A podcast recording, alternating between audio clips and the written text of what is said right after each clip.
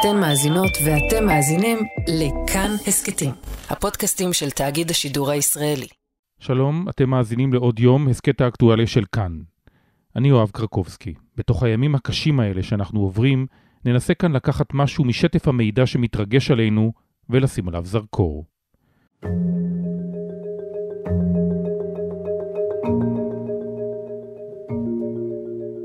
מרוב אירועים וחדשות כבר ממש קשה לעקוב, אבל מה שהתרחש ביישובי עוטף עזה הוא משהו שלא יישכח. כנראה ייצרב כטראומה ישראלית שכמותה לא ראינו מעולם. 22 יישובים שמחבלי חמאס חדרו אליהם ורצחו, טבחו באכזריות שאין שני לה, מאות רבות של תושבים, אזרחים תמימים, הורים, ילדים, קשישים, חברי כיתות הכוננות. לקח שעות רבות מאוד עד שכוחות הביטחון הצליחו להשיג שליטה או בכלל להיכנס ליישובים. בינתיים לקחו האזרחים, התושבים המקומיים את האחריות. לכיתות הכוננות לא היה נשק זמין בביתם. הם נאלצו לרוץ למחסן הנשק, כך עשה גם אביב ברעם. את אבא של אביב פגשתי השבוע במלון בשפיים. יחד עם בני הקהילה שנותרו בחיים, הוא הגיע לשם. בגאווה הוא סיפר על גבורת בנו, כמה שעות לפני שבכלל ידע מה באמת עלה בגורלו.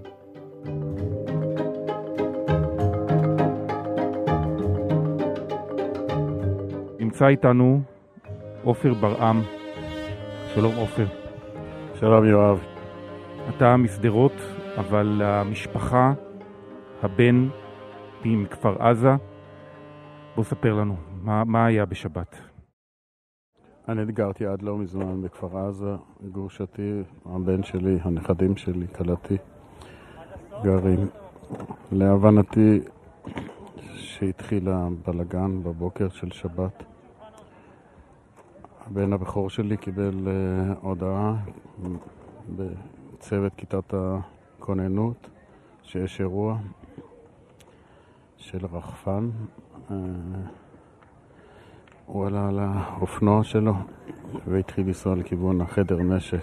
זה גם כן משהו שמישהו יצטרך להסביר איך זה כיתת כוננות של הקיבוץ הייתה לא חמושה. הם היו בבית לא חמושים. בדרך למחסנת תחמושת, החבר, השכן, שגם איתו בכיתה, צלצל, אביב, אתה מוכן? אביב אמר לו, אני כבר בדרך.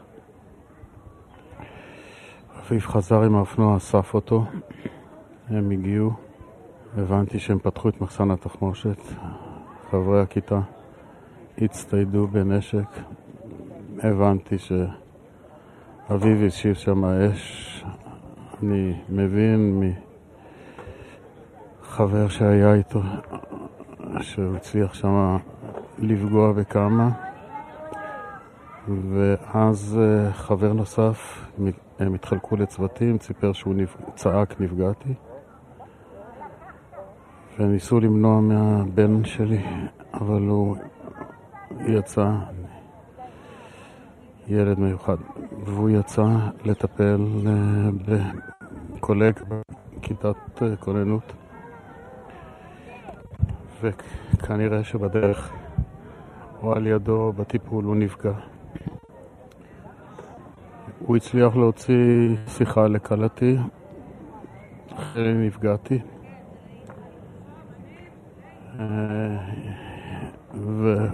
וחלי צלצלה וביקשה ממנו שיסחל, הוא אמר אני לא יכול, אני פגוע קשה ברגליים, היא אמרה לו תסחל לאיזה מסתור ואני מבין שאז נפסקה השיחה.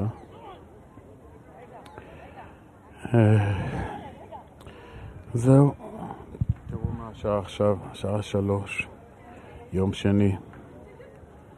אביו ניגע בשבע וחצי בבוקר בשבת. לא הגיעו. הוא שמה עם יתר חברי כיתת הכוננות כשבעה נעדרים. שלושה בבית חולים, ארבעה ניצלו. כמו הקיבוץ, כיתת הכוננות כמעט הושמדה. ואף אחד לא הגיע אליהם, הם שם למטה. סיפרו לנו שאיזה טנק או נגמ"ש היה צריך להוציא אותם, לא הגיע. התפרקנו, התפרקנו, אני לא יודע מה קרה לנו.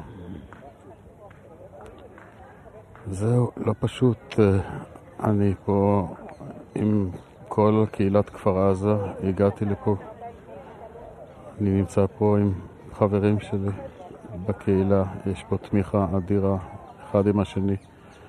יש פה משפחות שחציין כבר לא בין החיים. יש משפחות שהיקירים שלהם נעדרים, יש הרבה נעדרים בכפר עזה. מורכב, קשה, זה לא דברים שאי אפשר להסביר. אני לא חושב שמישהו יוכל להסביר את מה שעברה כפר עזה ומה שעברה מדינת ישראל מיום שבת בבוקר. עופר, תספר קצת על אביו. אביב זה ילד ענק, וכמו שהוא גדול, זה לב אחד גדול. אין באמת, אתם יודעים, תמיד אה, אומרים שאנשים שלא איתנו הם אנשים גדולים. ואומרים שהשם לוקח את הטובים. אני חושב שהיום הוא לקח את הכי טוב שיש. אביב זה לב. איש חזק ברמות, בעבודה, בצבא, בלימודים. הוא המרכז. תמיד אנשים סביבו. איפה שהוא לא נמצא, אנשים סביבו. הוא החץ, הוא המנהיג. יש לו כוח פיזי עצום וכוח מנהיגותי עצום. החברים שלו מנחמים ואומרים לי, אל תדאג, הוא יבוא. מכך שיודעים מי זה האיש הזה, מה היכולות שלו. יש לו ידיים של זהב, הוא בנה בית, הוא הקים משפחה לתפארת. כלתי אשתו חלי, בת שדרות. יש לו בן עומר, מטולטל עם טלטלים של זהב, ובת רני, קטנה. שלא יזכו לראות מי זה המלאך הזה, וכל מי שיודע מי זה אביו, ימלא אותם, אני בטוח, ימלא אותם באהבה. ויספר להם מי זה היה האבא הגדול שלה. זה חור ענק. ואני לא יודע איך, איך יצא, איך אפשר לצאת, איך מדינת ישראל תצא. אני לא יודע איך קיבוץ כפר עזה, ושמעתי על קהילות נוספות סביבנו. אבל מישהו לאורך זמן פירק אותנו. מישהו פירק אותנו פה הרי. הרי זה לא יכול להיות שזה מדינת ישראל. אני בן 68 שנלחמתי במלחמות. זה לא המדינה שלנו, זה מישהו פירק פה. זה כל מיני, אני באמת לא רוצה לקלל, אבל זה כל מיני פושעים שהנאשם עשה סביבו, שפירקו לנו את המדינה. זה לא יכול להיות. זה לא יכול להיות. זה לא מדינת ישראל.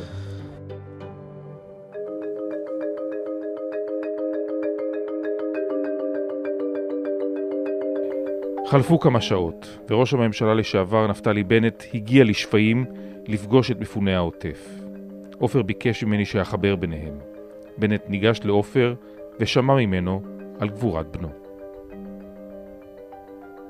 אני רוצה שעם ישראל ידע מי היה אביב ברעם, זכרו לברכה, בן קיבוץ אה, כפר עזה, שממש בדקות הראשונות יצא מהבית שה... כשהכפר מלא במחבלים, טס לנשקייה, הוציא נשקים ארוכים, חילק אותם, נלחם במחבלים, חבר שלו נפצע, ולמרות שהוא היה מאחורי מחסה, אביו יצא מהמחסה, הלך אה, להציל את החבר ונהרג, אבל בקרב שלו הוא הציל חיים, ופה עופר האבא, שהוא רק מקרין עוצמה, יש לנו עם של אריות. עם של אריות. נכון, צריך לסדר דברים, אבל העם, עם של אריות, ואביו הוא, הוא גיבור, פשוט גיבור ישראל. עופר, אני אוהב אותך. תהיה בריא. ושכל עם ישראל ידע מי היה הבן שלך. ידע, אנחנו נדע. אנשים שמבינים מה זה, מה זה נתינה? לא לקחת, לתת. אנשים שנולדו לתת. באמת, חתיכת יציקה היה אביב. כן, מה, בריון כזה? ענק. כוחות מרים, כמו שסיפרו, אתה זוכר שהיינו צעירים, סיפרו על טל רוסו שהיה, היה מרים את הג'יפ כדי שיחליפו את הגלגל? זה אביב. ובמה התבטאה הנתינה שלו לאורך החיים של אביו? הוא מנהיג. כן. ילד מנהיג. אתה רואה אותו איפה שהוא הולך, כולם סביבו. אני מסתובב פה ומקבל חיבוקים לא בגלל עופר ברם. קרדיטים שלי היה במקום אחר. אבל uh, מתים עליו, זה איפה שהוא לא הולך, איפה שהוא לא הולך. נפתלי, אי אפשר להשאיר את זה בלי לשאול. איך הגענו לזה? אנחנו צריכים להתגבר. אני לא עכשיו מתעסק בעבר, אני מתעסק בעתיד. יש לנו עם של גיבורים. נכון, היה פה דברים קשים מאוד, יהיה לזה את הזמן. כרגע אנחנו צריכים להדוף את המחבלים מהמדינה שלנו, לשמור על החיים ולהתגבר על האויב.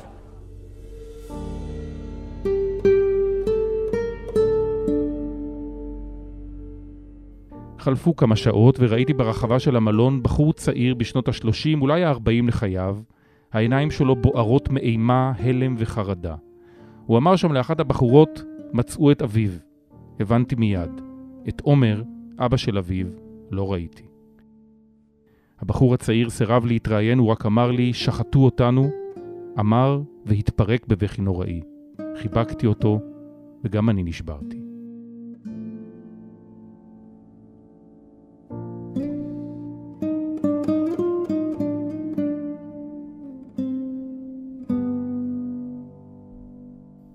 את מיכל רוטנברג אני מכיר לא מעט זמן. הכרנו במהלך סמינר מדריכי קבוצות נוער לפולין, ידעתי שהיא מכפר עזה, וכשהגעתי למלון ראיתי אותה. היא תמיד משעשעת, תמיד צינית, תמיד קלילה, לא הפעם.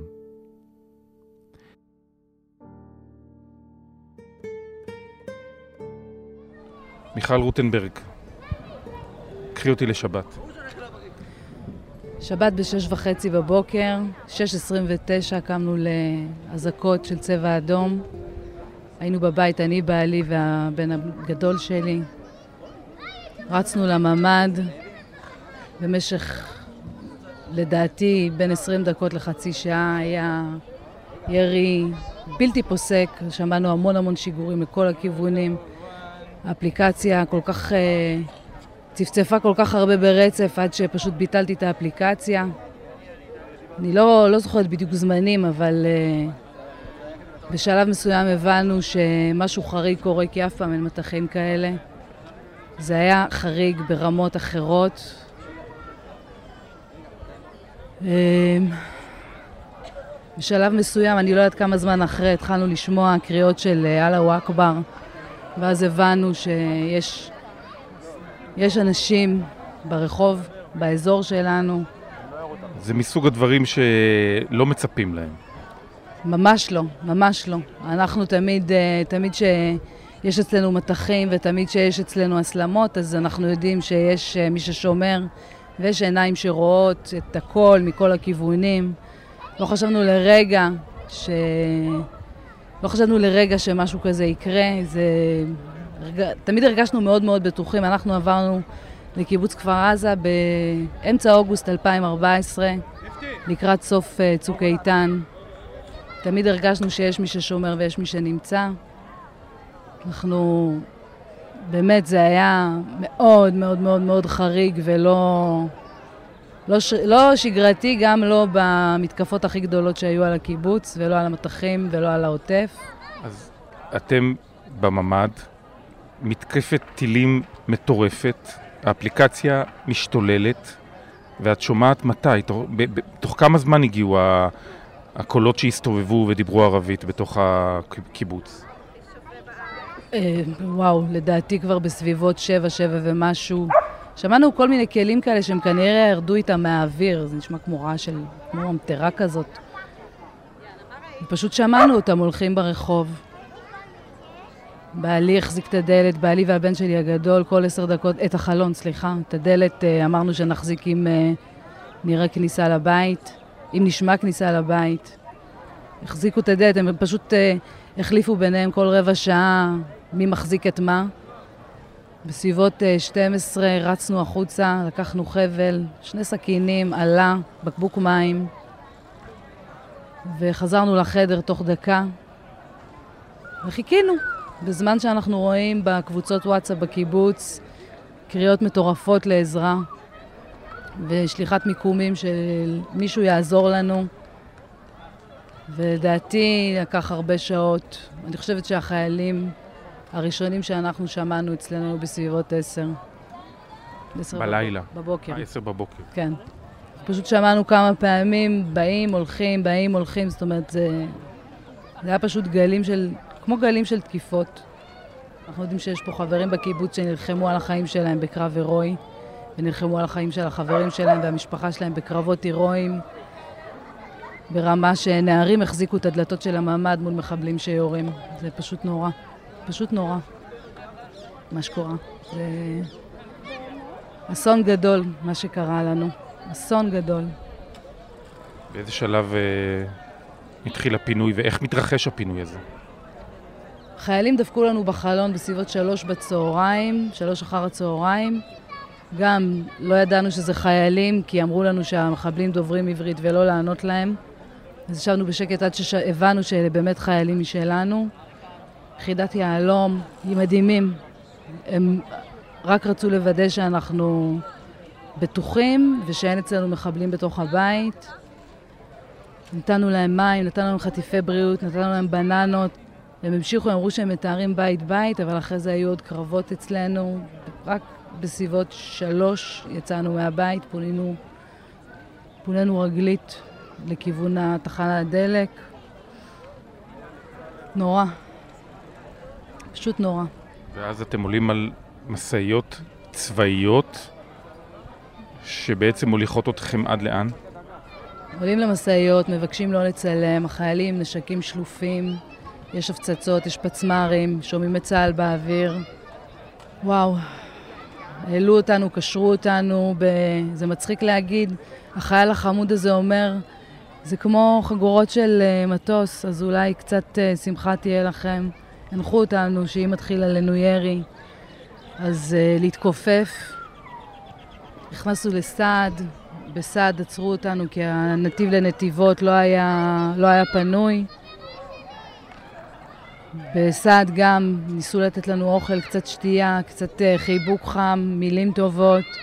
ואז העמיסו אותנו עוד פעם למשאיות, לקחו אותנו לנתיבות, בנתיבות גם ריכזו אותנו באיזה אולם ספורט. חבר'ה של פיקוד העורף, אנשים מאוד מאוד מאוד טובים.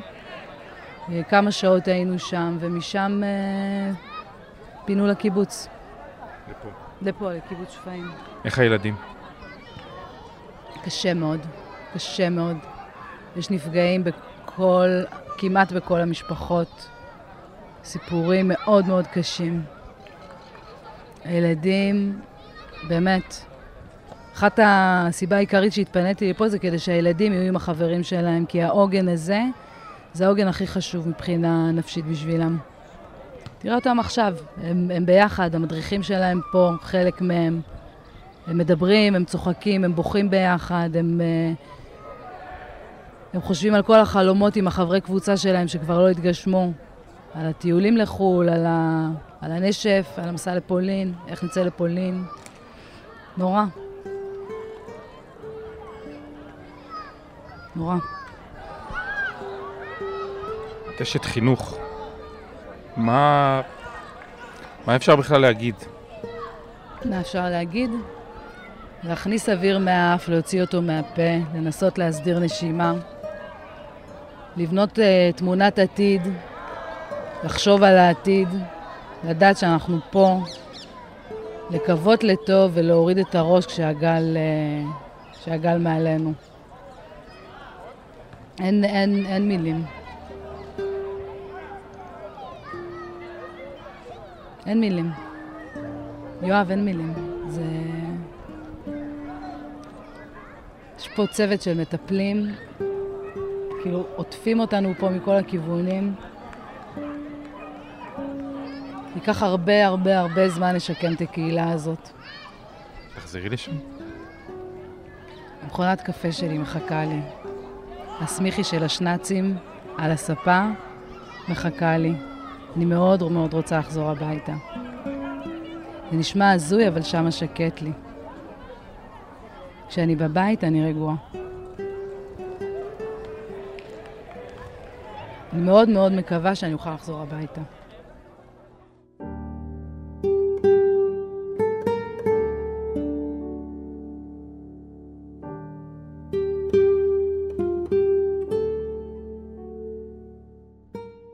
האזנתם לעוד יום, עורך דניאל אופיר.